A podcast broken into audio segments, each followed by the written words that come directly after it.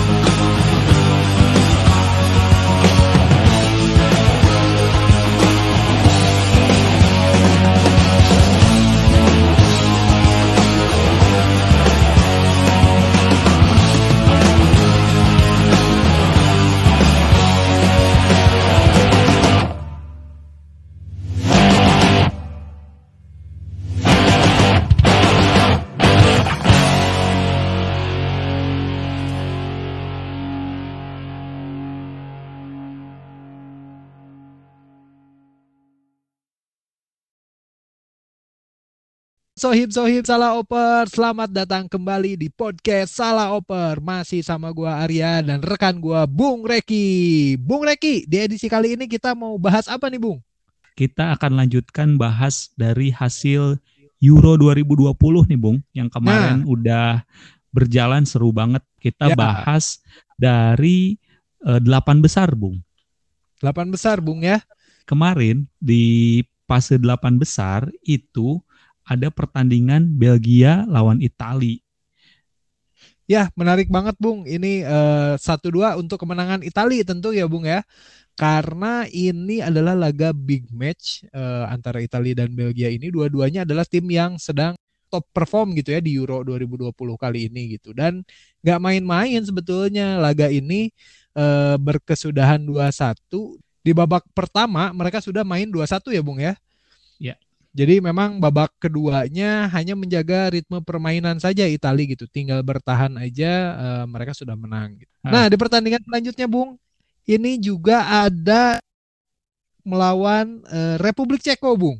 Oke, untuk Der- Denmark ini performance-nya terus menanjak ya Bung ya, walaupun di Ya. fase grup mereka tertatih-tatih gitu ya untuk kelolosan dari fase grup, tetapi untuk di fase knockout itu mereka bangkit ya Bung ya, Eh, apalagi eh, Casper Dolberg Betul. tetap bisa mencetak gol juga nih Bung, itu melengkapi eh, dua gol dia di pertandingan sebelumnya. Dan Denmark berhasil mengunci kemenangan dengan skor 2-1 Bung.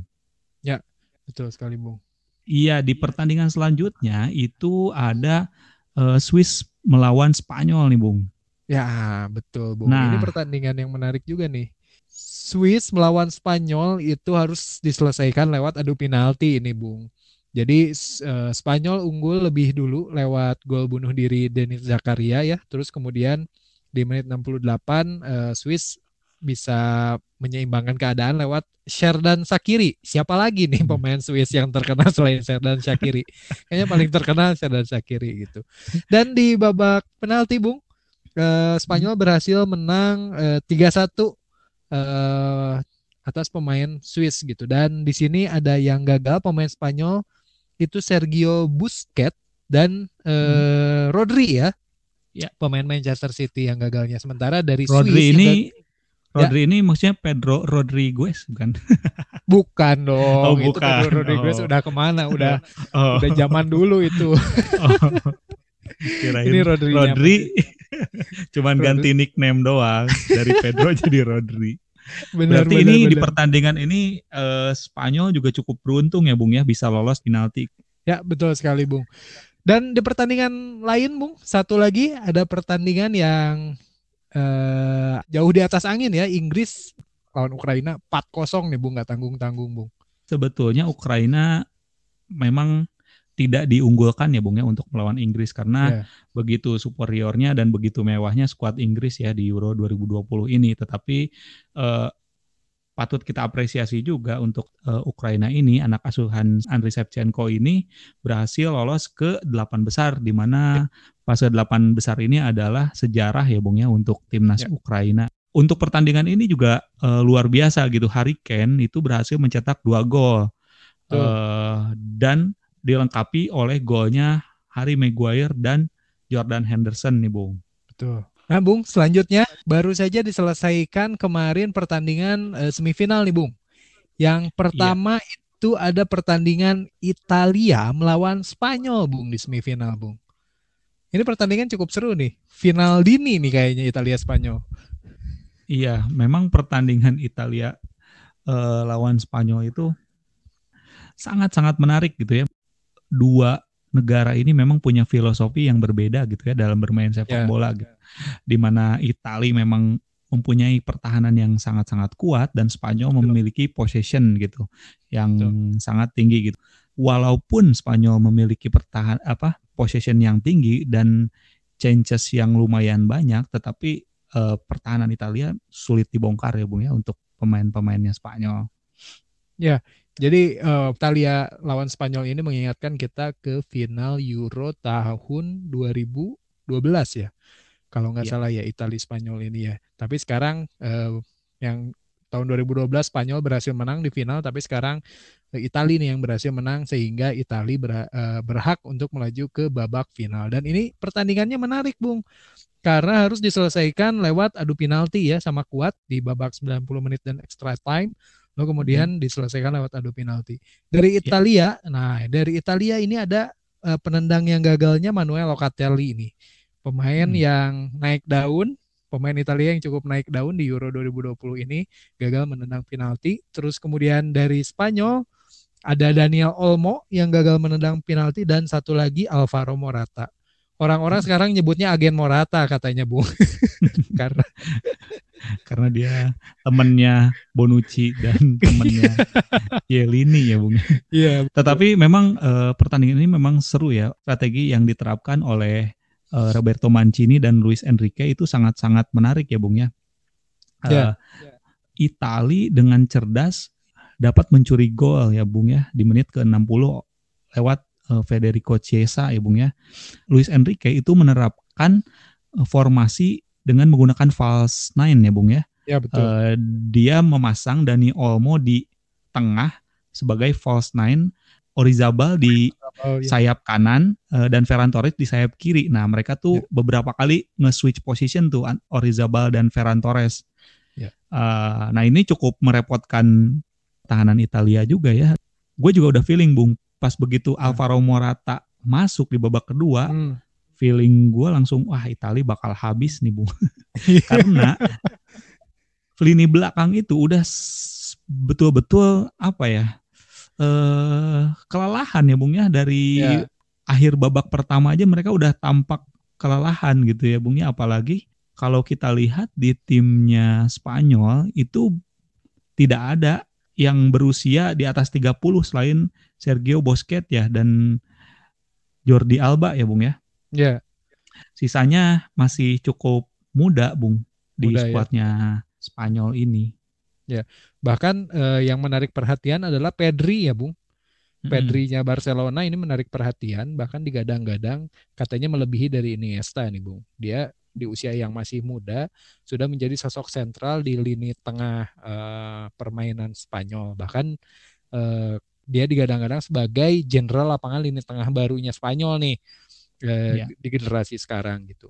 Cuma eh, kalau kita lihat dari komposisi Italia, Bung, ada yang menarik juga, Bung. Dia lini pertahan eh, lini tengahnya itu nggak ada pemain bertahan murni, Bung. Kalau dilihat, Bung. Di, di situ kan dia eh, dipasang itu Nicolo Barella, Jorginho dan Marco Verratti. Nah, tiga pemain ini kita kenal kan sebagai apa eh, ball playing midfielder gitu ya. Dia selalu bermain bola, selalu oper-operan gitu. Tapi hmm.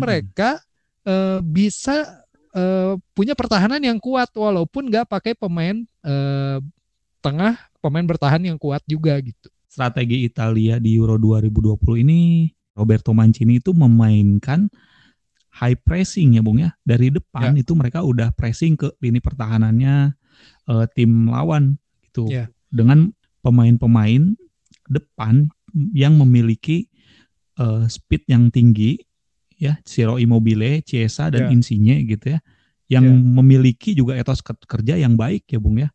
Ya, yeah, betul. Uh, apa mau mau mengejar eh, pemain-pemain bertahan lawan gitu. Ya, ya jadi uh, keberhasilan Italia ini memang tidak lepas dari kecerdikan Mancini dengan menerapkan high pressing ya Bung ya dalam setiap pertandingan Italia. Betul sekali Bung.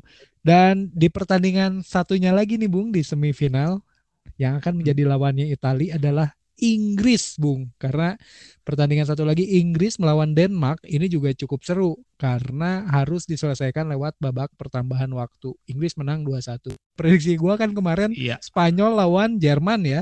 Ternyata hmm. salah prediksi gua. Wah, makanya Memang, ya masih harus banyak belajar, Bung. masih harus banyak belajar, Bung. Memang nggak bakat nggak bakat bikin prediksi kayaknya. iya. Iya. makanya uh, benar kan apa kata gua Bung Itali ya walaupun memang kesulitan ya apalagi yeah. waktu lawan Spanyol itu kelihatan di babak per, perpanjangan waktu itu semua pemain Italia udah nggak ada yang udah nggak ada yang mikir semua buang-buang bola doang. Mereka udah habis gitu. Kalau ada kecolongan gol ya udahlah habis babak belur gitu. Yeah. Beruntung gitu ya. Mereka masih ada gigi dona rumah gitu yang tetap sigap di bawah Mister Gawang ya Bung ya. Ya, betul. ngebackingin ngebackingin om-om di depan dia gitu. Om Bonucci sama Om Cielini. iya. Nah, Bung di pertandingan Inggris lawan Denmark ini, ah, ini juga seru nih Denmark uh, menarik perhatian juga karena dia sudah bisa sampai sejauh ini sampai ke semifinal gitu ya. Mm-hmm. Bahkan uh, kalau kita lihat pertandingannya Bung, Casper Schmeichel nih anak dari legenda kiper legenda MU juga Peter Schmeichel gitu, digempur habis-habisan sama Inggris Bung. Memang Casper Schmeichel ini adalah salah satu kiper yang paling bagus ya Bung ya. ya. Yang berpentas di Liga Inggris juga dia salah satu kiper yang disegani ya Bung ya. Memang di pertandingan ini Kasper Schmeichel betul-betul bekerja keras ya Bung ya dengan yeah. melakukan banyak penyelamatan digempur oleh Inggris gitu. Ya. Ya. Betul dan uh, ada lagi satu pemain uh, free kick yaitu Michael Damsgaard nih pemainnya Sampdoria nih main di Liga Italia juga. Uh, dia cetak gol yang cukup indah dan itu adalah gol kebobolan Inggris pertama di Euro 2020 kali ini, Bung. Gila, berarti Inggris sekarang kalau yang gue lihat sih nggak kan Inggris itu dulu terkenalnya kick and rush ya filosofi yeah. mainnya itu ya. Tapi kalau sekarang kayaknya mereka lebih condong ke um, menyeimbangkan antara pertahanan sekaligus menyerang gitu bung. Yeah. Jadi mereka nggak maksakan untuk kick and rush, tapi mereka lebih ke porsi menyerang dan bertahannya itu lebih seimbang sekarang kalau kata gua. Makanya kenapa iya. Inggris yeah. sekarang yang paling sedikit kebobolan cuma satu bayangin sampai semifinal. Yeah. Ya, berarti timnas Inggris itu cukup fokus juga ya Bung ya menjaga pertahanan ya nggak gak hanya di lini serang aja yang di, mereka perkuat ya Bung ya. Dan ya. di pertandingan kali ini Harry Kane berhasil juga mencetak satu gol menambah golnya ya Bung ya sehingga di Euro kali ini dia udah mengoleksi 4 gol secara keseluruhan. Ya, tapi mm -hmm. uh, kita masih juga nggak tahu nih Bung ya kira-kira siapa yang akan menang di final nanti Italia atau Inggris karena dua-duanya bermain cukup apik. Ya, karena kita udah penasaran banget Gimana kalau kita masuk ke sesi tanya teman nih, Bung? Betul, Bung. Oke, langsung aja ya. Boleh, Bung. Langsung aja, Bung. Halo, nama gue Kiki. Laga final Euro nanti antara Inggris ngelawan Italia, so pasti gue bakal ngejagoin Italia. Karena emang dari kecil gue selalu ngejagoin Italia. Menurut gue Italia punya seni bertahan yang sangat bagus dan sangat elegan yang gak dipunya tim lain di Eropa. Bahkan dunia mungkin. Tapi emang laga final nanti bukan laga yang mudah menurut gue buat Italia karena harus ngelawan Inggris sama ngelawan seluruh isi stadion Wembley yang bakalan pasti penuh.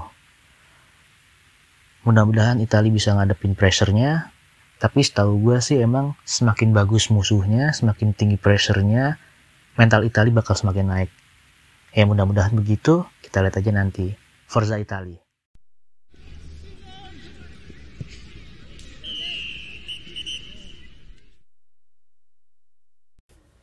Halo, nama saya Haris. Di Euro kali ini, sebenarnya dari awal saya udah ngedukung Inggris ya.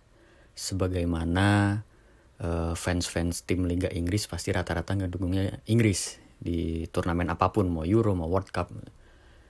Di Inggris ini ada satu pemain yang kali ini di turnamen ini tuh nyita perhatian banget yaitu Jack Grealish pemain bernomor punggung 7 Kenapa? Karena uh, dia bisa jadi seorang game changer. Kayak pas waktu lawan Jerman uh, itu sampai menit 70-an Inggris masih buntu tuh masih masih uh, belum ada gol. Begitu dia dimasukin langsung menit 75 Sterling menit 86-nya Harry Kane langsung gol langsung menang 2-0 dan itu yang menurut saya itu adalah titik balik Inggris untuk sampai sekarang bisa lolos ke final dan mudah-mudahan nanti bisa juara. Oke, terima kasih.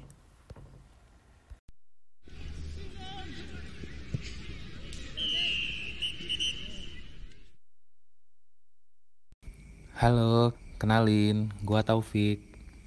Di final Euro 2020, gua ngejagoin Italia untuk jadi juara satu. Alasannya karena sejak tahun 2000 itu gua udah suka nonton Italia.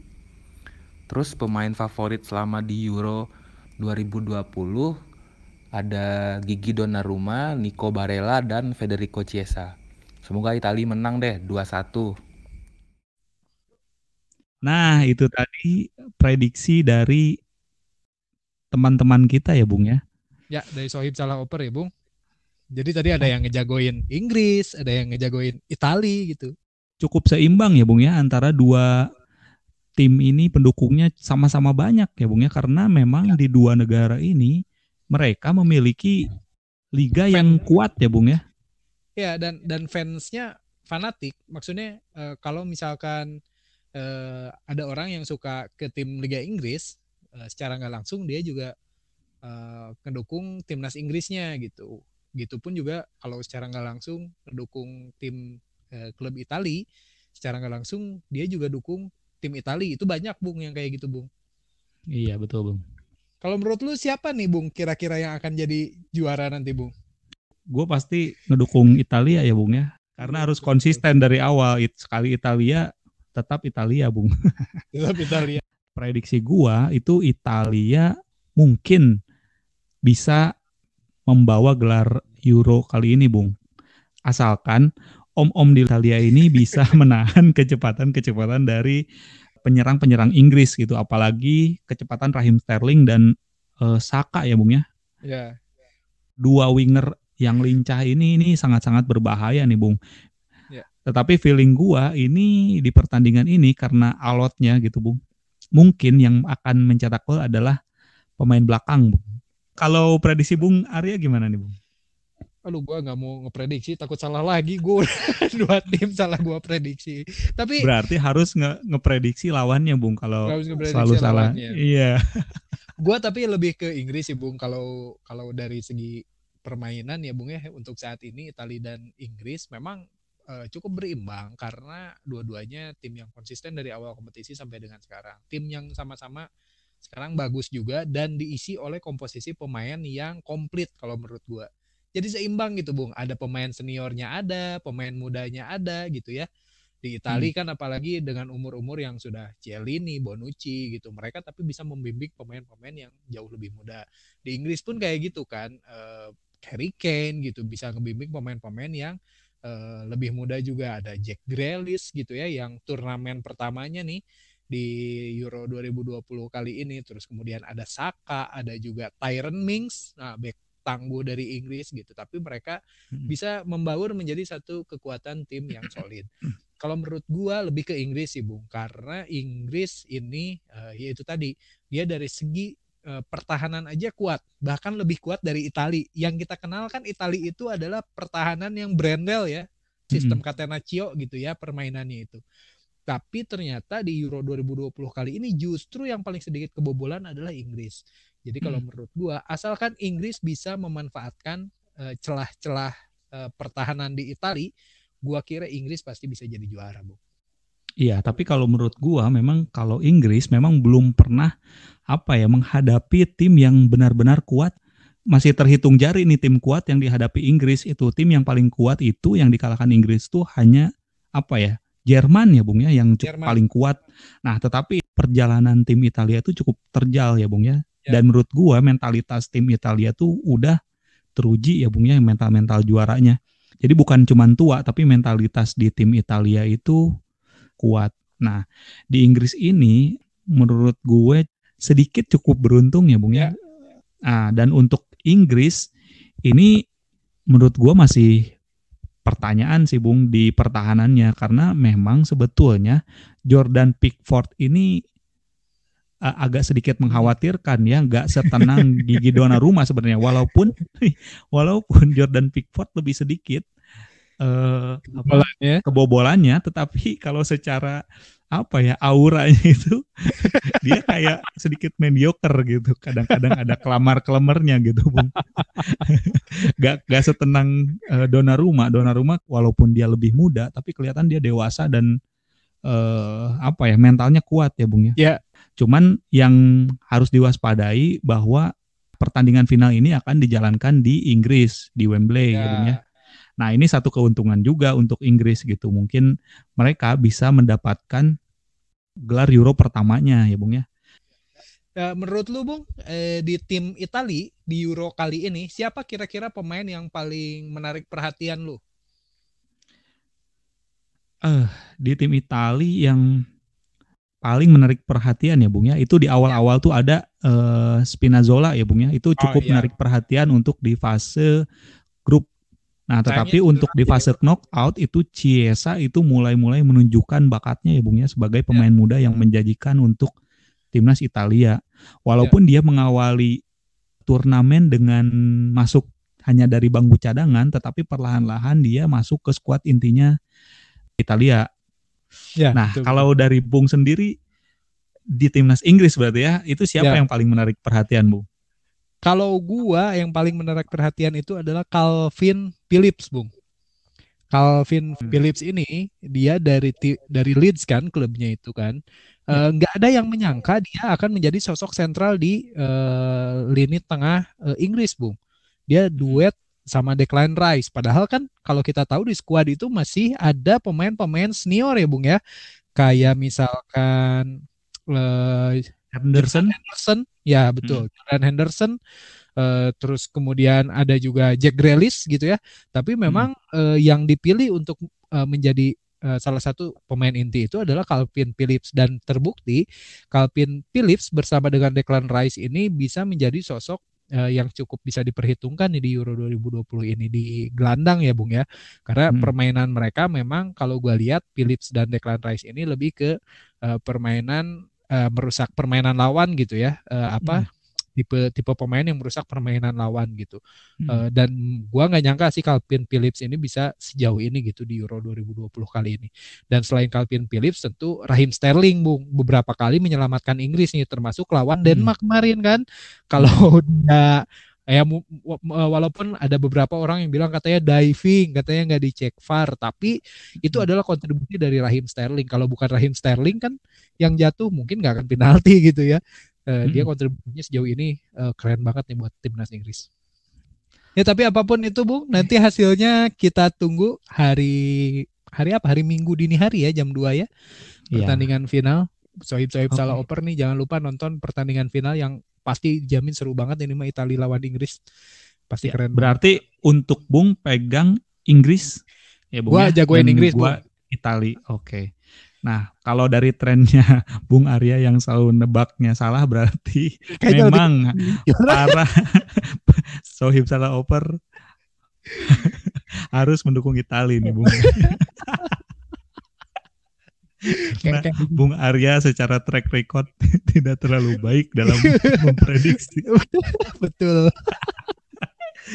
ya tapi kita lihat aja Bung ya, uh, ini mungkin Wembley bisa menjadi tempat yang angker ya Bung ya. apa ya Inggris tuh belum pernah kalah ya Bung ya di Wembley itu sebetulnya. Ya kan Wembley ini memang stadion terkenal di Inggris ya. Wembley ini adalah stadion nasionalnya gitu ya. Kalau di hmm. kita mungkin GBK gitu. Hmm. Uh, jadi ini memang tempat-tempat yang sakral kalau timnas hmm. Inggris bermain di Wembley itu kayak seakan-akan uh, aura magisnya itu uh, sangat terasa oleh lawannya gitu. Nah kita nggak tahu nih apakah di Euro 2020 kali ini Wembley dalam tanda kutip bisa ikut membantu Inggris untuk jadi juara. Uh, bukan cuma uh, dari segi stadion, Bung. Ini kan kalau kita tahu Inggris dan Italia ini adalah uh, apa banyak fan-fansnya yang fanatik ya Kalau Inggris terkenal dengan hooligannya, kalau Itali terkenal dengan ultrasnya. Nah, kan kebayang nggak tuh nanti satu stadion hmm. ultras dan hooligan saling yeah. beradu koreo gitu ya, beradu dukungan untuk timnya masing-masing kan pasti seru banget gitu. Jadi yeah. ini jangan dilewatin lah. Iya, berarti ini kalau Inggris di Wembley udah kayak timnas Indonesia di GBK ya Bung ya berarti Harry Kane itu mirip-mirip sama BP lah ya Bung. bisa bisa. bisa.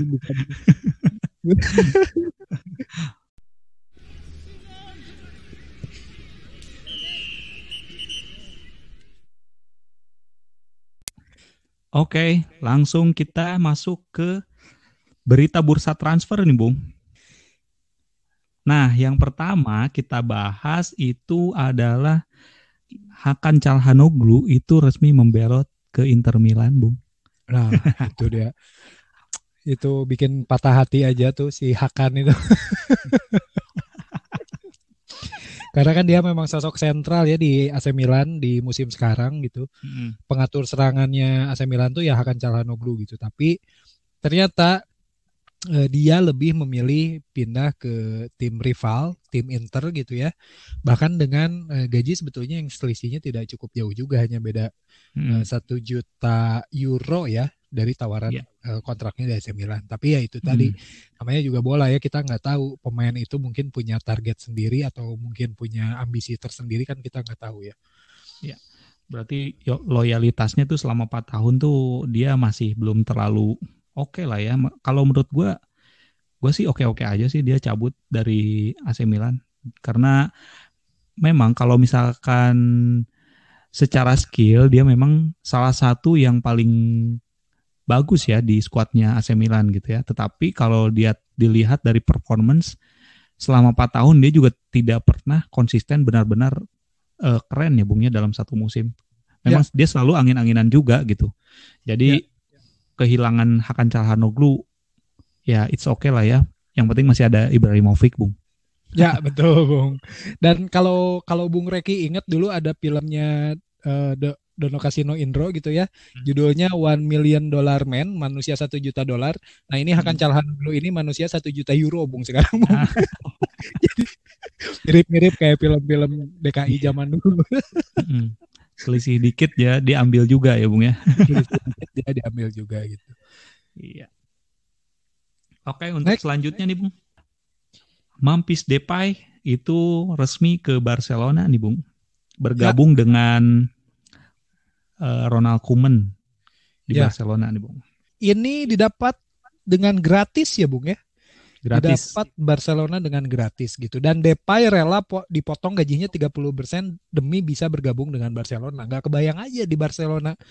Udah ada Depay, terus kemudian ada Aguero gitu ya, hmm. terus kemudian banyak pemain-pemain mudanya, Pedri dan lain sebagainya. Nggak kebayang sih Bar eh, Barcelona akan hmm. setangguh apa gitu di musim depan. Ya, ya. Osman Dembele ya Bung ya. Osman Dembele betul, walaupun dia bolak-balik ke puskesmas terus gitu ya. ini orang puskesmas ya Bung ya ini. Asuransinya limitnya banyak, tenang di Barcelona udah jadi orang dalam puskesmas kayaknya itu Osman iya. Dembele.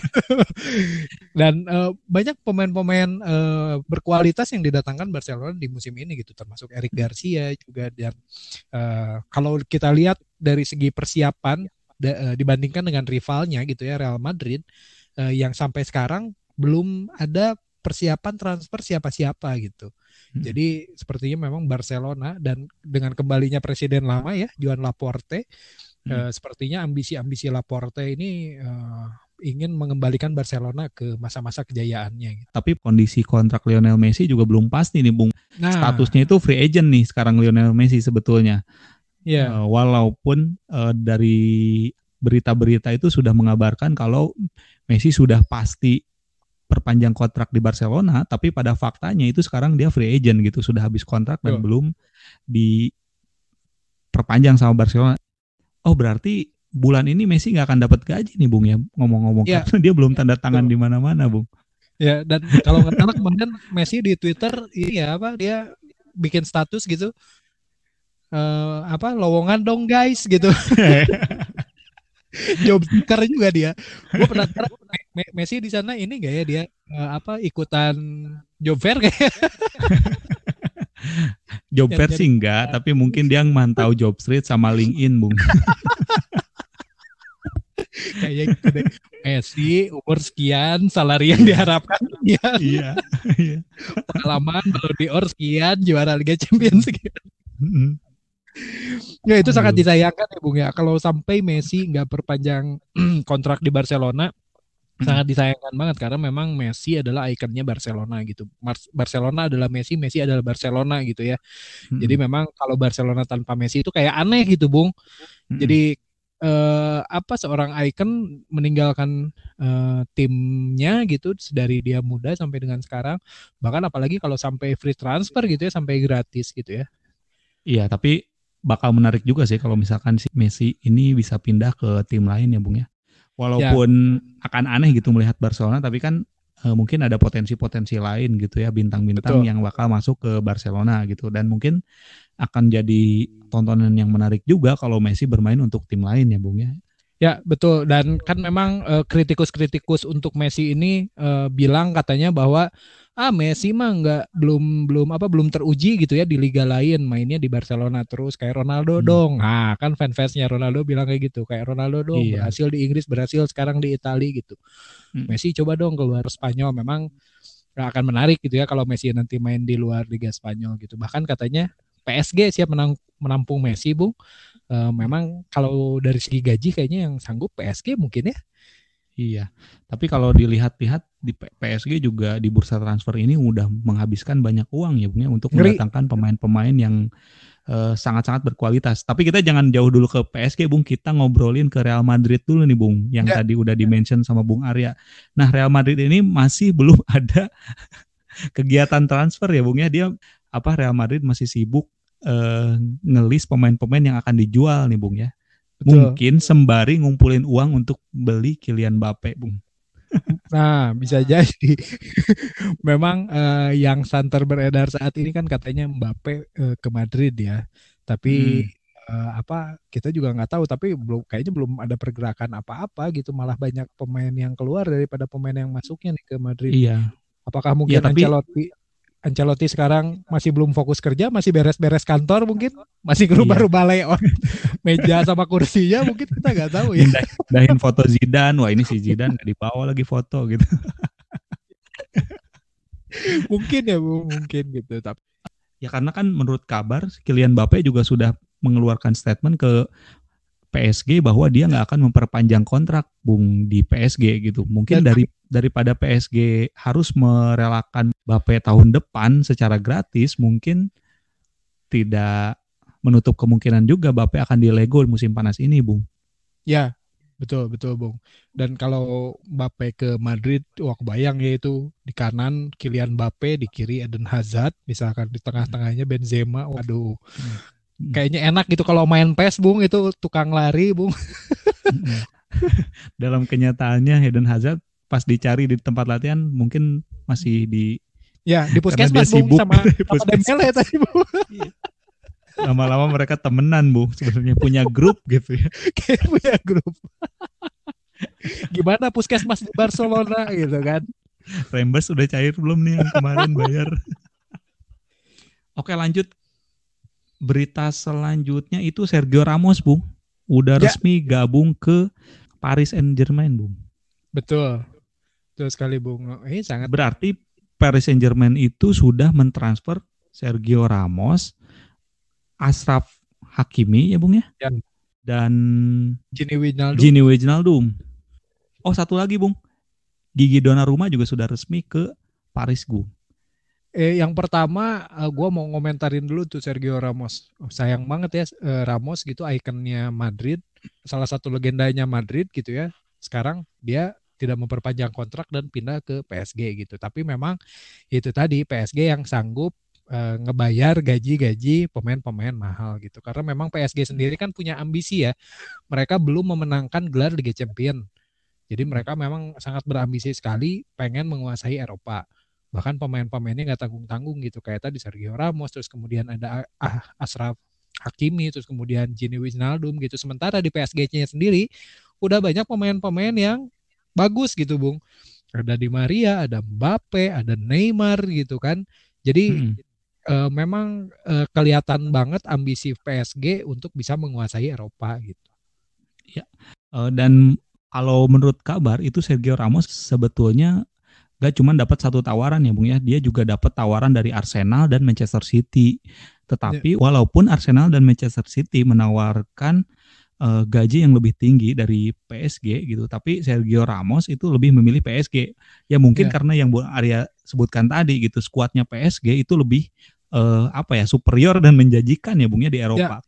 Dan kebayang nggak Bung uh, apa peserta-peserta Liga Prancis yang lain, Bung. Mereka tepok jidat nggak ya gitu ngelihat PSG. Aduh, dia enak banget ngedatangin pemain tuh kayak main kayak main game doang gitu, kayak nggak mikir duitnya. Lu kebayang nggak iya. perasaan-perasaan tim kayak tim Marseille, terus kemudian hmm. kayak Lyon gitu yang mereka iya. tim gede tapi nggak punya uang sebanyak PSG gitu. Iya, walaupun Lille juga tahun lalu berhasil apa merebut uh, League Eng gitu tapi kayaknya untuk tahun ini akan sangat sulit ya Bung ya kembali apa mempertahankan gelar uh, League Eng ya Bung ya. Ya, betul. Dan uh, tadi udah sempat dimention juga tentang Ashraf Hakimi ya Bung.